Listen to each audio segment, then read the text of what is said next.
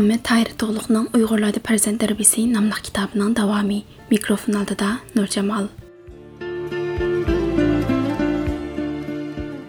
12-ci bab Pul əngəyi və iqtisadçılıq tərbiyəsi. Baylıq ömrünü xatircəm ötküzüş üçündür, amma ömür mal toplaş üçün emas. Şeyx Səyidi.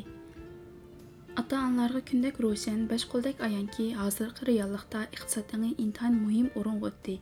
Şunun üçün mu pərzəndlərinin əngədə ئانا دادىدىن قالسىلا پۇل ئۇقۇمى ئىنتايىن چوڭقۇر ئورۇن ئالدى تېخى تىلى چىقمىغان بوۋاققا بىر موچەن پۇل تۇتقۇزسا تالاغا ئېلىپ چىقىشنى ئىشارە قىلىدۇ سىرتقا ئېلىپ چىقسا پۇلنى چوكىمۇ ساتقۇچىغا ياكى كەمپۈت таңлайды. تاڭلايدۇ пұл پۇل جەمئىيەتنىڭ ئەڭ مۇھىم قىممەت ئۆلچىمى ۋە ھۆكۈمران айланды. Чүнкі пұл پۇل ئېڭى ۋە өзінің ئۆزىنىڭ جەلپكارلىقى سېھرىي كۈچكە بايلىقى قىممەت يارىتىشتىكى ئەڭ مۇھىم ۋاسىتە بولۇش رولى ۋە كىشىلىك تۇرمۇشنىڭ roli bilan balalardan tortib cho'nglargacha hamma odamning kallasida cho'nqur o'rin oldi. Pul almashtirish vositasi bo'lishga boshlagan eng qadimgi davrdan boshlab insoniyatni ikki tabaqaga ayirganmi shu pul? Kishilarning kundalik ishlab chiqish faoliyatiga eng kuchli ishtirok qilganmi yana shu pul bo'lgan edi. Hozirgi dunyodami allar bilan allar millatlar bilan millatlar kishilar bilan kishilarning dunyodagi o'rni va ta'siri iqtisodni oldinga shart qildi. Chunki pul bo'lganda taraqqiy qilg'ili zamonaviylashg'ili madaniyatlik bo'lg'ili bo'ldi iqtisodiy asos bo'lmasa yashash huquqidan mahrum bo'ldi kishilar hayotni xotirjam bayojat baxtli o'tkazman deydikan pul bo'lishi kerak.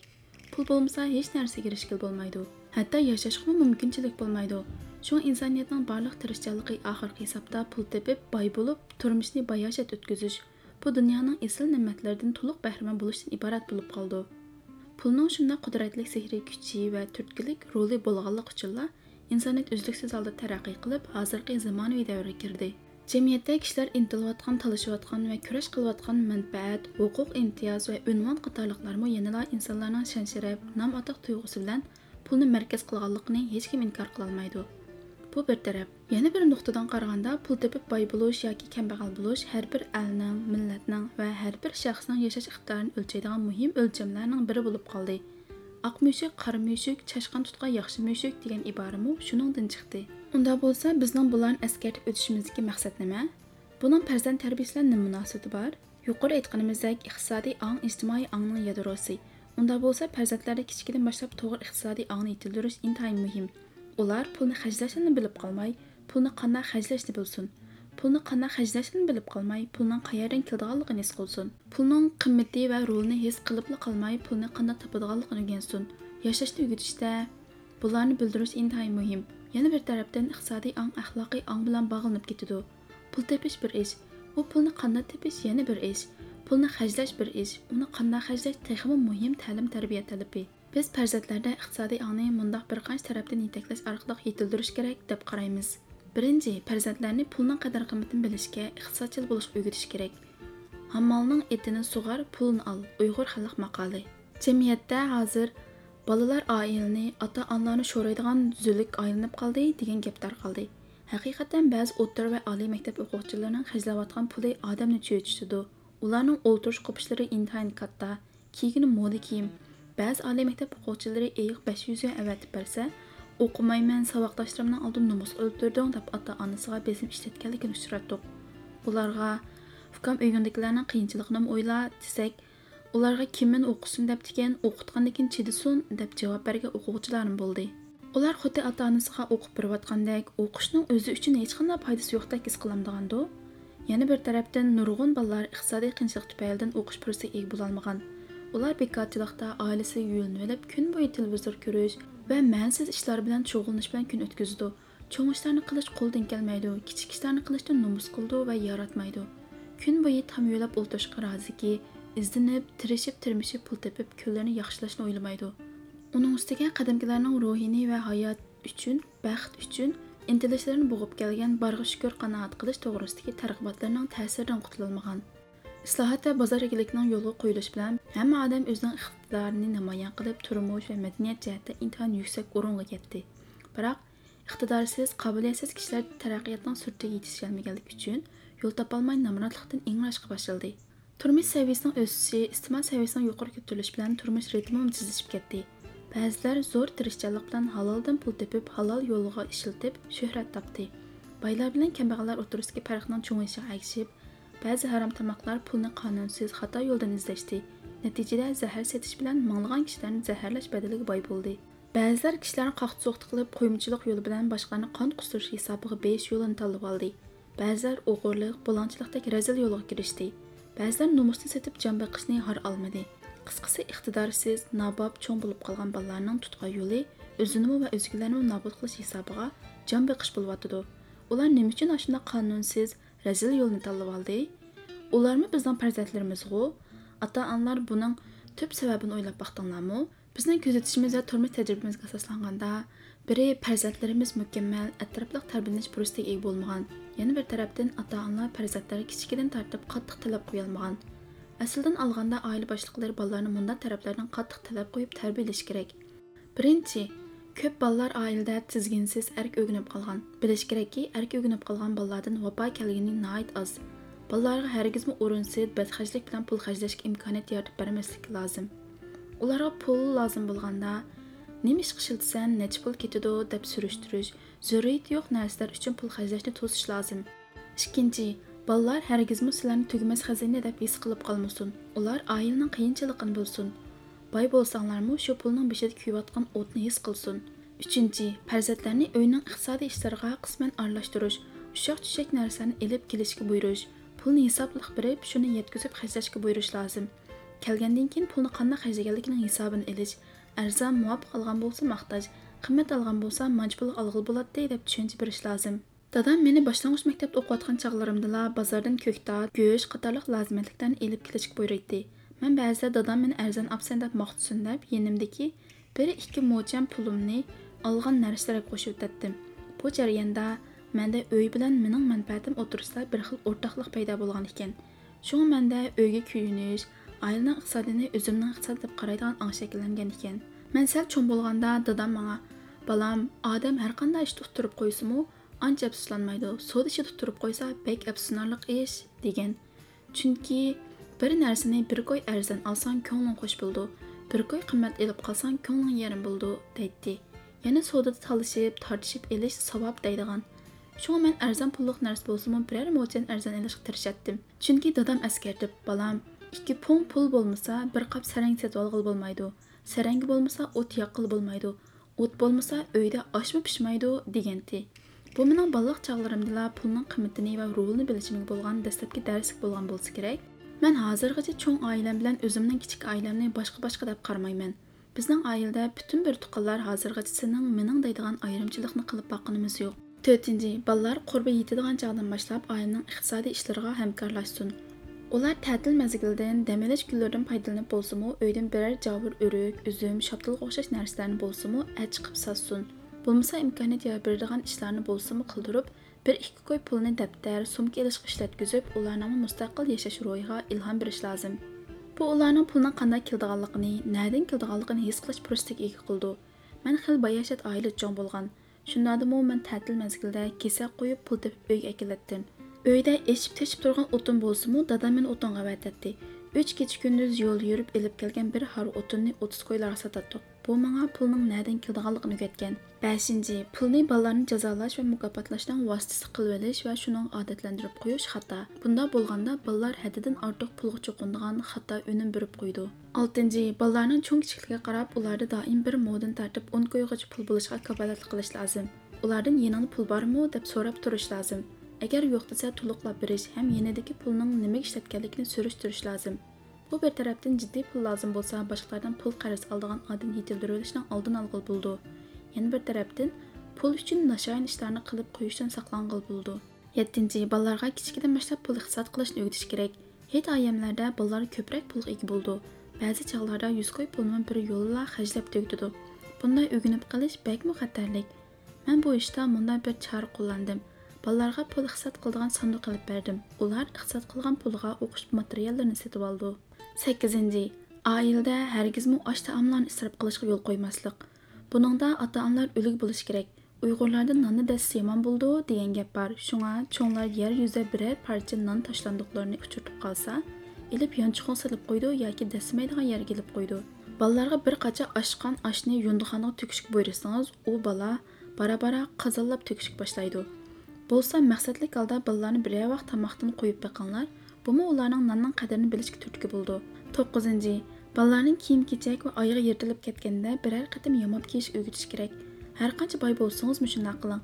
Unda bo'lmaganda ular cho'ng bo'lganda birər qatim yuvilgan yoki ozroq oqirib qolgan kiyimni kiyishdan nomus qilib tashlayotgan bo'lib qilish mumkin. Nasihatdan namuna Balalarga kichikdan boshlab iqtisodchilikni odatlantirish bilan birga ularning qurama yetishiga ergishib bu vaqtdagi turmush haqiqatlarini tushundirish pul topishning yo'llari to'g'risida nasihat qilib turish intayin zarur. Balam, turmush tirikchiligi pulsiz o'tmaydi. Biroq pul degan osmondan tushadigan narsa emas, yoki uni yerga terib oldigan qo'noq, bug'doy emas. Uni xili zo'r ajr mehnat bilan, qo'l ishlatish bilan qo'lga keltirgan bo'ldi. Bir non yeyish uchun bir nonga loyiq ajr qilish to'g'ri keldi. Bir yuan pul bo'lmasa, bir kun och qoladigan ish. Biroq qora emgak bilanla turmush maishatini qurg'ul bo'lmaydi. Hozirgi bozor raqobatida qobiliyatsiz, iqtidorsiz odam hargiz iste'mol saviyasiga yenisholmaydi. Balam, turmush ritmi bak tezlashib ketdi. Raqobat intayin kuchlik. Hamma odam pul tepish, yo'l izlashdan qo'yida. Bekorchilik odamni kerakdan chiqarib o'tadi. Cho'ng ish bo'lsin, kichik ish bo'lsin, ishning o'gi yo'q. Gap har qanday bir ish sanga non beralsa, u ishdan voz kechgulik emas. Bir shart shuki, bir ishning beshini tutib, shu ishning ahli bo'lgan. Bir ishga haqiqiy aqida qilib, muhabbat bilan kirishsang, muvaffaqiyat darvozasi sang ichiladi. Suv ustidagi ko'pikdek laylab yursang, kichkin to'lqinga bardashlik berolmaysan. Har kimning yo'li o'zi bilan birga bo'ldi. U ish shularning o'ziga mos keldi. Qilayotgan ishing o'zingga mos kelganlik uchun shu ishdan non tepib yeyalaysan. Tabiatingga munosib kelmagan ish sanga munosib kelmagachkilar sana non bermaydi. Balam, jamiyatda ishning cho'ngchiligi muhim emas, eng muhimi qaysi ishni qilgan bo'lsang, shuningdan natija yoritishda. Natijasi noma'lum bo'lgan yerga qadam bosma. Bayoni ma'lum bo'lmagan yo'lda yurish va qirg'iq ko'rinmaydigan daryoga o'zini urish aqlli odamning ishi emas. Oyga chiqmaydigan xam tama va natijasiz quruq agarlarning zanjiriga band bo'lib qolmagan. G'am qayg'uni sabrsizlikni ozroq qilib, chora tadbir ustida ko'proq o'ylash lozim. G'am qayg'u, g'azab va ochiqlanish tafakkur yo'lini itidi. Tadbir tulparingga yugan soldi, zehningni kerakdan chiqardi. Natijada shu g'am qayg'uning asir bo'lsanda, shu ishni boshqa elib chiqolmaysan. Sen hargiz zamondan, sharoitdan ag'ranma. Bahoni ko'rsatish o'rin qobiliyatsiz odamlarning ishi. Pul topganlarmi mushu zamonda mushu makon yashayotidi-ku. Ularni dastlabda ishni eng oddiy ishlardan boshlagan. Har qanday ishning tunji qadamini ilish tasrak bo'ldi, biroq tunji qadamni bek o'ylab besish to'g'ri keldi. O'zing topgan yo'ldan yaltayma. U andaq ishni qilib pul tepibdi bu munda ishni qilib pul tepibdi degan gaplar bilan boshqalarni do'rab non berayotgan ishingni tashlab qo'ysang nisiyini deb naqdin quruq qoldigan yaqindagini yalayman deb ilkingdagidan quruq qoldigan ish bo'ldi. Qanoatsizlik qilma qobiliyatingga qarab yo'l tut. Hamma ish orzudek xiyolingdek bo'lish natayin. Biror o'ngsizlik uchursang umidsizlanma. Niyatni yomon qilib oyga chiqmaydigan ishlarga tavakkul qilma. Bu dunyodagi ishlar hargizmi odamning tilagi va orzusidek bo'lmaydi. Odamda ozroq qanoat bo'lmasa baxtlik bo'lg'ul bo'lmaydi bir kishi uy silish uchun tam etmoqchi bo'lsa tamg'a xishni chak bostirib qo'yishga to'g'ri keldi agar xishni parchalmay tamni tuzayman deb tam qo'pirayversak butkul yer shariga tam edishga to'g'ri keldi hargiz bu chakni to'ldirish imkoniyati yo'qdir agar tamni butunlamakni o'ylasak chorasi shuki xishni parchalab chakni to'ldirish bilan plandagi tamni ko'ngildagidek bitirib chiqalaydi Navoiyning bu misoli kishilarga insof qilish ma'nosida aytilgan. Lekin odamning mohiyati qanoatsizlikdir. Qanoat qilmoq qo'ldan ish kelmaydiganlarning odati. Bulungda o'tirib tirnoq tatlamoq bekor talab, o'rinlarning saodatidir. Balam, fursat degan cheqinga o'xshash tez o'tib ketadi. Uni g'animat bilish, o'tib ketadigan umrda chaqqonlik bilan hosil olmoqning tirishchanligini qilmoq lozim. Chunki odam qariydi, kasallik bilangni mushchaytidi. Put qo'lda mador uzildi. Bu chog'da xalqning qo'liga qarab qolgandan o'lgan afzal. Qo'lingda pul bilan bo'lmasa, hatto baldaringning oldidami e'tiboring bo'lmaydi. Quruq qo'l odamdan hatto do'stlarmi qochadi. Odam o'lmaydigandek mehnat qilib pul tepishi, at o'lib ketadigandek kishilarga yaxshilik qilish lozim. Balam, quruq ma'nsiz ishlar bilan umringni o'tkazma. O'zing qilayotgan ishning qimmatini bilib qil. Bo'lmasa, go'har so'zib misqil oldigan ahmoq g'avg'oslardan bo'lib qolsan. Hikoyat Hikoya qilinishicha, Umma daryosining sohilida yashaydigan bir savdogar savdo uchun daryo sohiliga boradi. U javohir uchun g'avg'oslarga bir necha darham pul beradi. G'avg'oslar beshini tuvan qilganicha suv ostiga sho'ng'ib, yuz minglarcha jafo mushaqqat bilan daryoning tagiga yetadi. U yerdagi sadaflarni elib chiqib, savdogarga beradi. Sadafning ichidan yo ushoq unchilar chiqadi yoki bo'lmasa biror cho'ng go'har tepilib qoladi. Bunday go'harlar shohlar tojining shan sharpi bo'ladi. Lekin u g'avg'oslarning oldig'ini ozg'in ish haqidan iborat edi? Savdogar shu qadar qadr qimmatlik boylarni qo'lga tushirgan bo'lsimu lekin g'avg'oslarga biror ikki yarmoqdan pul beribla bo'ldi qiladi g'avg'oslarmi buning rozi edi?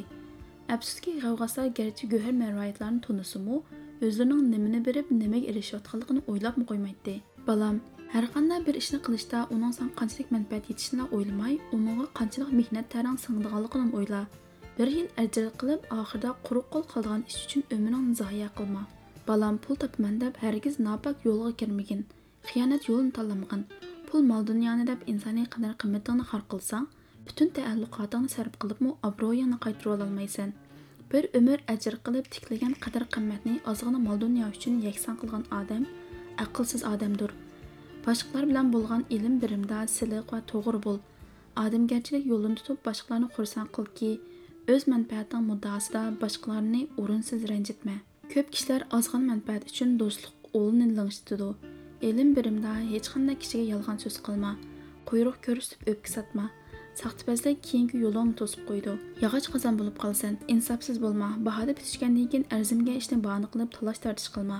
To'g'ri siliq rost so'zlik bo'lsang sen bilan aloqa qiladigan kishilar ko'paydi ilm birim deganda xaridorlik odam ravoj topadi. Xaridorlaring sendan qochsa ingak yo'lab chivin qurib o'tirish to'g'ri keldi jafoliq saxtipazlik bilan undirib olgan paydangdan keyingi ziyoning ko'p bo'ldi ilm birimdan faqat o'zingninla foydasini ko'zlama sen bilan muomala qilishgan kishilarning manfaatini o'yla. Ularmı az to'la payda olsin o'z paydangni deb boshqalarga ziyon yetkazsang oz yegan ko'payadi ko'p yegan nima yeydi degan qoidaga xiloflik qilgan bo'lsan yomon molni yaxshi deb boshqalarga tangma бұның зейінінен тапқан пайдаңдың зияды болды. әр қатен қиянат қылыш пікіріне көңілін келтірме таразыда дұрыс бол соды қылмақ болсаң әркез башқаларға пұл қошып шерекчілік жолын тұтмаған болмаса қызыл маңызың пұшайманы зәпіран болды адам деген оқшаш болмайды сен білән шіркін отырыстық мұнасабатым бір қыл болмайды мұбада араңларда ерекшелік садыр болып қалса арада көңілсіздік пайда болды көңіл арамың бұзылды agar birlashib tijorat қылмақ болсаң, сыналған дұрыс, lilla odamni tepib birlash lekin арада исабет нағайт инақ болсын дос рас есап рас деген ақидені ядыңдан чықарма бәдгүман болып арыға соғықчылық салма балам әгер мәбліғын етерлік болдыған болса яқшы истиқбаллық ішларға юреклік дәсме селіп еңі еңі мәхсулатларны ішләп чықарған башқаларның амаллығын қылыш әргіз тижарат исапланмайды бүгінгі ең чықарған болды yana bir odamga manfaat elib sotdi tijoratning oxiri chiqmaydi. Bugun bo'lsa atisi yo'q bugun foyda olsang atisi ziyon balam tejashlik bo'l hargiz isrofxo'r bo'lma. Yanglar ichinglar isrof qilmanglar degan aqidani unutma. Shuncha ajr qilib topgan pulni harom xajlash ma'nisiz ahamiyatsiz ishlar uchun sarf qilish shamolga so'rish aqldan ozgan kishilarning ishi. Shuncha ajr qilib topgan halol pulni haromga xarjlash ma'nisiz ahamiyatsiz ishlar uchun sarf qilish shamolga so'rish aqldan ozganlarning ishi. бір нанны қарласаң, бір күні шу нанның қарлықын тартсаң бір көй пұлының бейуді сарап қылсаң бір күні шу бір қойның хижалатын тартсаң yuqur martabaga chiqish nihoyatda mushaqqat bilan qo'lga keldi lekin xarliq martabasiga tushish nihoyat oson. Bir birda nonning qanchalik ajr badali keldianligini bilsang eding sarfxo'rlikni hargiz ravo ko'rmas eding. O'ylama ойла. o'yla. Hozir bor deb bizga yo'nib olsang mustaqil Күніге бір юан пұлын тезесаң бір ел 360 юан пұлын тезейсен. Күніге бір көй пұлын сарап қылсаң ақырда қарызға боғылсан. Қарыз деген көтермек мүшкіл болған егір үйік балам. Құлыңы бұл түшкенде челледі ат чапма. Пәләкнің чақ айылынып харлық қылғанда пүшәймандан басқа чары жоқ. Бақыт деген тұтышны білсаң саңа құт атыды, тұтышны білмесаң дәрхал сәнден жүз өрейді. Екі юан пулың болса бір койны хәжәп, бір койны тежеп қойған. Даналар айтқан, достыңның алдыға мұқтаж болып барғандын, bo'lib borgandan qoldirg'uning yaxshi degan ibratni unutma. Agar har bir kishiga hushyorlik va ishning oqibatini ko'rish quvvati nisb bo'lmagan bo'lsa uning qo'lga keltirgani uzun o'tmay talofat va bulang talonga ketudida uning o'zida hasratdan nadomatdan bo'lak hech narsa qolmaydi. Balam badxajlikning shakli har xil bo'ldi. Buning birinchisi havoyi havasga xarjlagan puldir ikkinchisi ichimlik va chekimlik uchun xarjlagan puldir yuzingni qor qildigan o'zingni xor qildigan ishlarga pul xarjlash beg'arazlikdir. Uchinchi manmanchilik cho'ngchilik qilib o'zingni ko'rsatish uchun xarjlagan pulning oxirimi sanga xorliq to'nini kiygizdi har qanday ishda o'ttirhal yo'l tutgan yaxshi mehmondorchilik ishida shundoq Hikoyat Bahram Gur degan podshoh bir kuni u o'g'lashga chiqdi. U bir qulunni qo'g'layman deb o'z lashkarlaridan yiroqlashib ketdi. U qo'g'la qo'g'la oxiri bir mahallaga yetib keldi. Bu yerda bir qancha chidir o'yli kishi bor edi. Bu chidirlar qijida bir daraxt bor edi. Bahram Gur shu daraxtning soyasiga kelib otdan tushdi. Ondan chidir egilaridan 3 kishini tepib, "Men hozir sizlarning mahallaga mehmonman. Ma'zi bo'lsa achqib men mehmon qilinglar. Men sizlarning yordaminglar bilan qursqimni ozroq to'qlab olay." dedi. U chidir egilaridan biri haddidan ortiq bexil va himmati past kishi edi. Shunga u shohning ehtiyoji va iltimosiga qilch pisand qilmadi.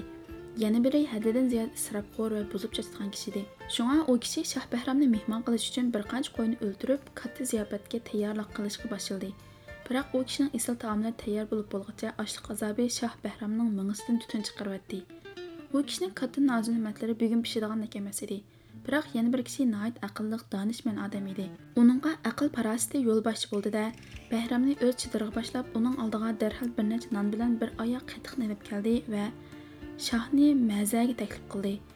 Bahram mazadan to'yg'adak yeb betoqatlik va ochliq azobidan qutuldi. Rohatlanib bir oz orom oldi. Bahram go'r bir ozdan keyin maza qo'ygan kishiga nihoyat ko'p oltin kumush berib uni maqtadi. Ko'ngli past bexil kishining dakkisini berib uni sagitib qo'ydi. O'rinsiz buzib chachilgan isrofxo'r kishiga haddi hisobsiz ta'na va kinoyalarni qilib, uning buzib chachgan mulkini to'lab berib qaytib ketdi. Sen bu uch kishining ahvolini selishtirib ko'rgin. Ularning o'tirisida qanchalik farq bor? شۇڭا балам 10 кой بىلەن پۈتتۈرۈشكە بولىدىغان ئىشقا 20 кой خەجلەش 100 кой بىلەن ياخشى مېھمان قىلغىلى بولىدىغان مېھماننى 200 кой خەجلەپ مېھمان قىلىپ قالغىنىنى يۇندا ئازغىلىغا تۆكۈش تولىمۇ نادانلىق Uyğurlarda Farzand tərbiyəsi adlı kitabının 12-ci babının 1-ci qism məzmunu oxub tüyütüldü. Davamı davamlı quzurunlar buldu.